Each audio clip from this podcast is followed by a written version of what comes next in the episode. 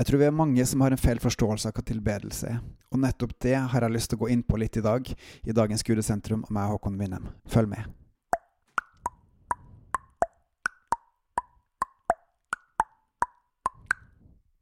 Har du sett ei bikkje legge seg opp ned i kamp mot ei anna bikkje? Det er rett og slett for å vise at jeg er under deg, du er sterkere enn meg, du kan få lov til å bestemme over meg. Man blottlegger det svakeste området av kroppen sin. Mer sannsynligvis har du sett en soldat eller en tjener bøye seg for en konge, sette seg ned på ett kne, og så bøye hodet sitt også. På den måten så viser man de svakeste områdene. Kongen har lov til å ta halsen på personen, og man viser at man står under kongen. Faktisk er det samme som også gjelder når en mann bøyer kne for kona si, som han skal fri til. Man bøyer seg ned og sier at den andre står over en, at den andre bestemmer. Tilbedelse er mye av det samme. For tilbedelse er faktisk det å legge seg paddeflat på bakken og bare gi Gud alt. Han som er den eneste sanne vi skal tilbe.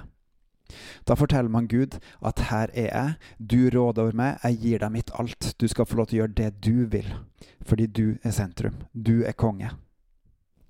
Av og til så er det faktisk godt å legge seg ned på bakken i tilbedelse for Gud og bare si her er jeg, du er min Herre, du er min Gud, jeg gir deg mitt liv. To store spørsmål dukker opp da. Hvordan ser det ut, og hvorfor skal vi legge oss paddeflat for Gud? Det siste først. Da Gud kjøpte Israelsfolket ut av Egypt og førte dem ut med sin kraft, og også ved hjelp av sin tjener Moses, så kjøpte han de fri. Fri fra døden og slaveriet. Han sparte den eldste sønnen i hvert hus av de som strøk blod på eh, dørstolpene sine, for å vise at vi tilhører deg, Gud, vi tilber deg, vi gir deg rett. Vi er dine. Og han førte de også ut av Egypt og tok dem ut av slaveriet som hadde levd i 400 år, og ja, de måtte gå lenger rundt i ørkenen, de, men det var fordi at de var ulydige. Men Gud holdt løftet sitt, som han ga helt fra Abraham av. At han skulle gi dem det lovede landet, som han hadde lovt dem. Gud holder sine løfter, han holder sine ord, og han er den rettferdige og sanne, den som har skapt alt og alle på hele jorda, som vi kan lese om i begynnelsen av første Mosebok. Han har rett og slett gitt oss alt. Men ikke minst, gjennom sin egen sønn, gjennom å ofre sin eneste enbårne sønn, så har han gitt oss muligheten til å få tilgivelse for alle våre synder hvis vi omvender oss, gjennom å tro på Jesus og ta imot hans gave til oss, hans nåde, at vi skal få lov til å være fri i han. Fri fra syndens og dødens makt. Og ikke nok med at han ofra sin egen sønn, så har han også gitt oss Den hellige ånd til hver og en som har lyst til å følge han, som skal bo i oss og virke i oss med den samme krafta som reiste Jesus opp fra de døde. Og vi skal attpåtil gjøre større ting enn hva Jesus gjorde. Det er vanskelig å forstå hvor mye det innebærer når man ikke har sett det sjøl. Men den samme krafta, den har han gitt oss tilgang til. Gjennom Jesus kan vi få lov til å stille oss framfor Gud og tilbe Han og lære Han å kjenne. Og så tjene Han i Hans kraft, full av Hans kraft, i egen svakhet, men i Hans styrke. Livet går opp og ned, men Gud han er den samme til evig tid. Og hans kraft er konstant, og den er allerede gitt til hver en som tror. Og vi må bare bruke den. Vi må gå i den, vandre i den, vokse i den. Og vi må drikke det levende vannet som Han har gitt oss, som gjør at vi vokser med Han, at vi vokser i helliggjørelsen, at vi vokser opp til hodet, som er Jesus. Halleluja, Gud, for at du har gitt oss alt det her. Derfor skylder vi Han alt for Gud har gitt oss alt. Han er selve meninga med livet. Jesus er svaret på hvert eneste spørsmål vi har. Å kjenne Han er rett og slett meninga med livet. Og oppdraget vårt er å få flere til å kjenne Han. Til å flere oppdage at Gud er Gud, og det er bare Han vi skal tilbe. Og Han har så sykt mye å gi oss, som gir mening, som er selve meninga. Og så det andre spørsmålet, da. Hva skal vi gi? Det er jo også et spørsmål hva har vi? De fleste bibelforfatterne sier at vi mennesker består av kropp, sjel og ånd. Ånden er relasjonssenteret mot andre mennesker eller andre ånder, f.eks. Gud, eller også onde ånder, mens sjelen det beskrives gjerne som tanker, vilje, følelser, alt det som foregår inni oss. Kroppen er det siste vi har, som er det fysiske vi har. Det er dette vi har fått. Og det er dette vi har valget om hva vi vil bruke det til. Noen ting er forutbestemt. Vi har en delvis fri vilje, for vi har ikke mulighet til å bestemme hvilket materie vi er, hvilket tidsrom vi er født inn, eller hvilket sted vi er født. Og vi må ha mat og drikke. Pluss, pluss. Så det er en del ting som ikke er fri. Men av alt det vi har fått, så kan vi velge hvordan vi vil bruke det, hva vi vil gjøre med det. I den tida vi lever i, så kan vi velge hvor vi vil bo. I hvert fall hvis vi har nok penger. Og vi kan også velge hva vi vil gjøre der vi er, uansett hvor vi er. Vil vi følge verden og le for oss sjøl, eller motstanderen?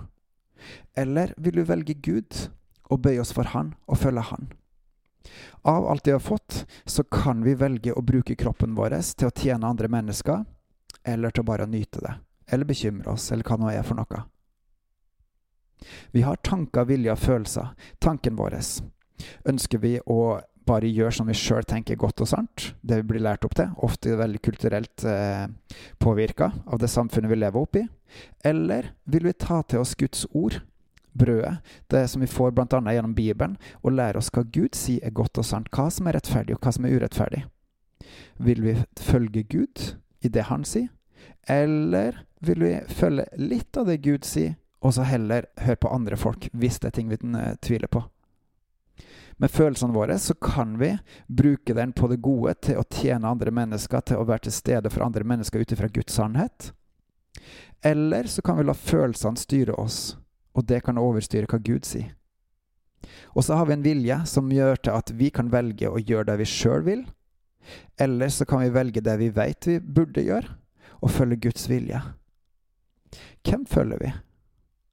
Og gjennom disse valgene av hva vi bruker vår kropp og vår sjel til, så viser vi hvem vi egentlig elsker, hvem vi ønsker å tilbe, og hvem vi tilber. For det vi gjør, det vi tenker, det vi sier, det viser hvem vi setter øverst.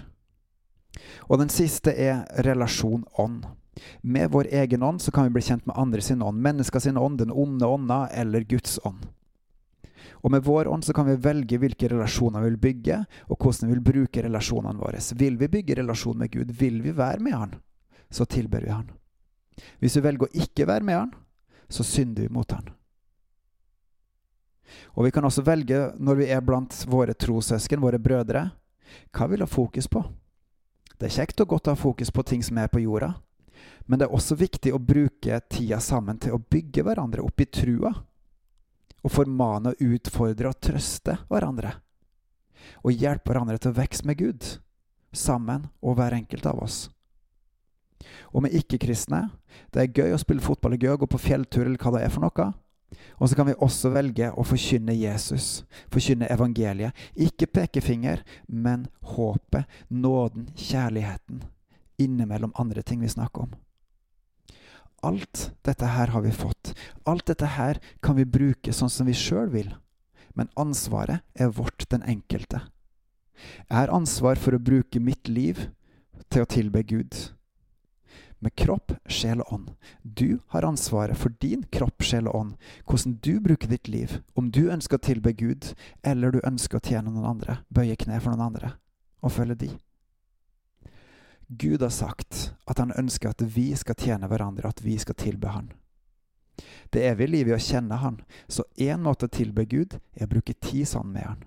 Enten alene på et bønnerom, eller bare på et soverom med døra lukka, eller sammen med andre Enten i samtale, i bibellesing, i bønn, i lovsang, eller det å tjene andre mennesker, både brødre og gjerne også fattige, lamme, uføre, blinde, som Gud er så opptatt av. Og nettopp dette er et viktig poeng, at ønsker vi å tilbe Gud, så må vi gi livene våre til Gud. Da må det vises på det livet vi lever. Vi lever i verden, men vi skal ikke være av verden. Gud lever i oss hvis vi slipper Han til, hvis vi slipper Han inn. Og han har gitt oss sin ånd, sin kraft, for at vi ikke skal være alene, men for at vi skal være sterke i Han. I oss sjøl så er vi utrolig svake, men i Han er vi sterke. Det er dagens utfordring. Gå til Gud, si til Han, hjelp meg å tilbe deg mer, og hjelp meg å tilbe sammen med andre. Jeg gir deg mitt liv, hjelp meg å vokse med det. Et lite eksempel fra første Samuels bok, kapittel to, er når Hanna lovpriser Gud gjennom sin bønn og sier Mitt hjerte fryder seg i Herren. Herren gir meg stor kraft. Nå kan jeg le av mine fiender, for jeg gleder meg over din frelse. Ingen er hellig som Herren, for ingen er til uten du. Det er ingen klippe som vår Gud. Slutt med alt det stolte skryt. Hold opp med all den frekke tale. For Herren er én Gud som allting veit. Han prøver hver en gjerning. Stridsmenns buer brytes i stykker, men de trette ruster seg med kraft. Mette må tjene for sitt brød, mens sultne slipper å hungre mer.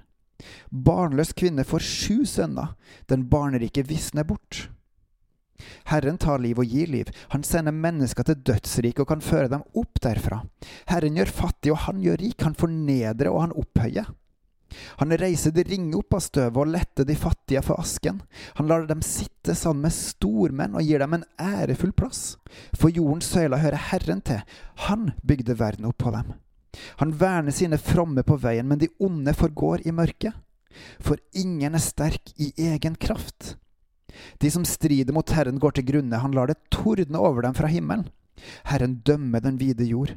Måtte han gi sin konge styrke og gi sin salvede stor kraft, sa Hanna for 3000 år siden. Å, herregud. Takk for alt. Takk for alt du gir, og takk for at du er meninga med livet. Takk, Jesus, for at du har gjort det mulig for oss til å bli kjent med deg. At du tok på deg alt med på korset for at vi skal få lov til å stige fram for deg, der du sitter på din trone. Og takk, Jesus, for at du også sendte Ånden, Hellig Ånd, for at du bor i oss og virker i oss og gir liv og styrke og kjærlighet og visdom. At vi gjennom det kan kjenne det. Den eneste sanne Gud. Du fortjener all vår tilbedelse, vår lovsang, vår takk, vår kjærlighet for du er selve livet. Halleluja. Amen. På gjenhør.